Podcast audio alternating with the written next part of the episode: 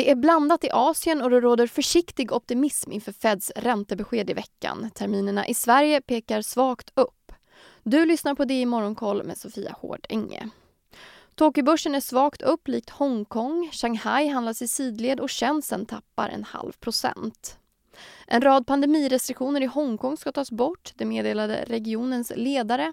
Bland annat för resenärer som besöker barer och restauranger. Dessutom kommer människor i Hongkong inte längre behöva använda kontaktspårningsapp. Där får turist och reserelaterade aktier att klättra. Kina har skickat rekordmånga bombplan med möjlig kärnvapenkapacitet in i Taiwans luftförsvarszon.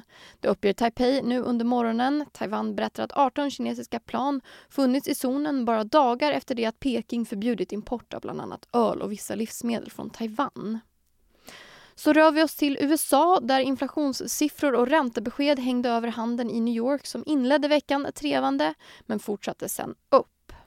S&P 500 steg 1,4% Nasdaq ökade 1,3% Det här kan vara ett tecken på att marknaden räknar med en 50 punkters höjning från Federal Reserve imorgon.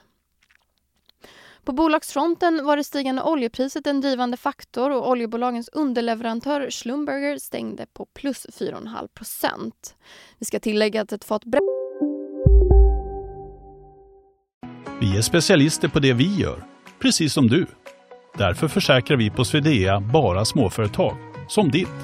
För oss är små företag alltid större än stora och vår företagsförsäkring anpassar sig helt efter firmans förutsättningar. Gå in på swedea.se företag och jämför själv. Olja nu kostar 79 dollar, upp över 1% Flygplanstillverkaren Boeing steg 3,7% efter nyheten om att bolaget kommit överens om en stor affär med Air India. Dagens stora förlorare var Tesla som backade 6,3 Och på tal om Tesla så är inte längre grundaren Elon Musk världens rikaste person enligt Forbes, det här efter tappet i Tesla-aktien. Den franska affärsmannen Bernard Arnault har nu tagit över den titeln. Grundaren av det kollapsade kryptoimperiet FTX, Sam Bankman-Fried, har gripits på Bahamas på amerikanska myndigheters begäran. I USA och på Bahamas pågår en brottsutredning mot Bankman-Fried efter FTX kollaps förra månaden. Så ska vi avsluta i Sverige. Rutger Arnhult har sålt ytterligare aktier i Castellum genom, genom bolaget M2 Asset Management för totalt 107 miljoner kronor. De senaste aktierna såldes mellan den 7 och 9 december. Bioteknikbolaget Hansa Biofarma tar in 416 miljoner kronor i en riktad nyemission. Teckningskursen uppgick till 53 kronor vilket var något under gårdagens stängningskurs på 53,5 kronor. På agendan idag står såklart huvudnumret amerikansk inflation klockan 14.30. Vestum har sin första dag på huvudlistan efter flytt från First North. Och så får vi rapport från investmentbolaget Svolder vars vd gästar Börsmorgon. Missa inte det. Tack för nu.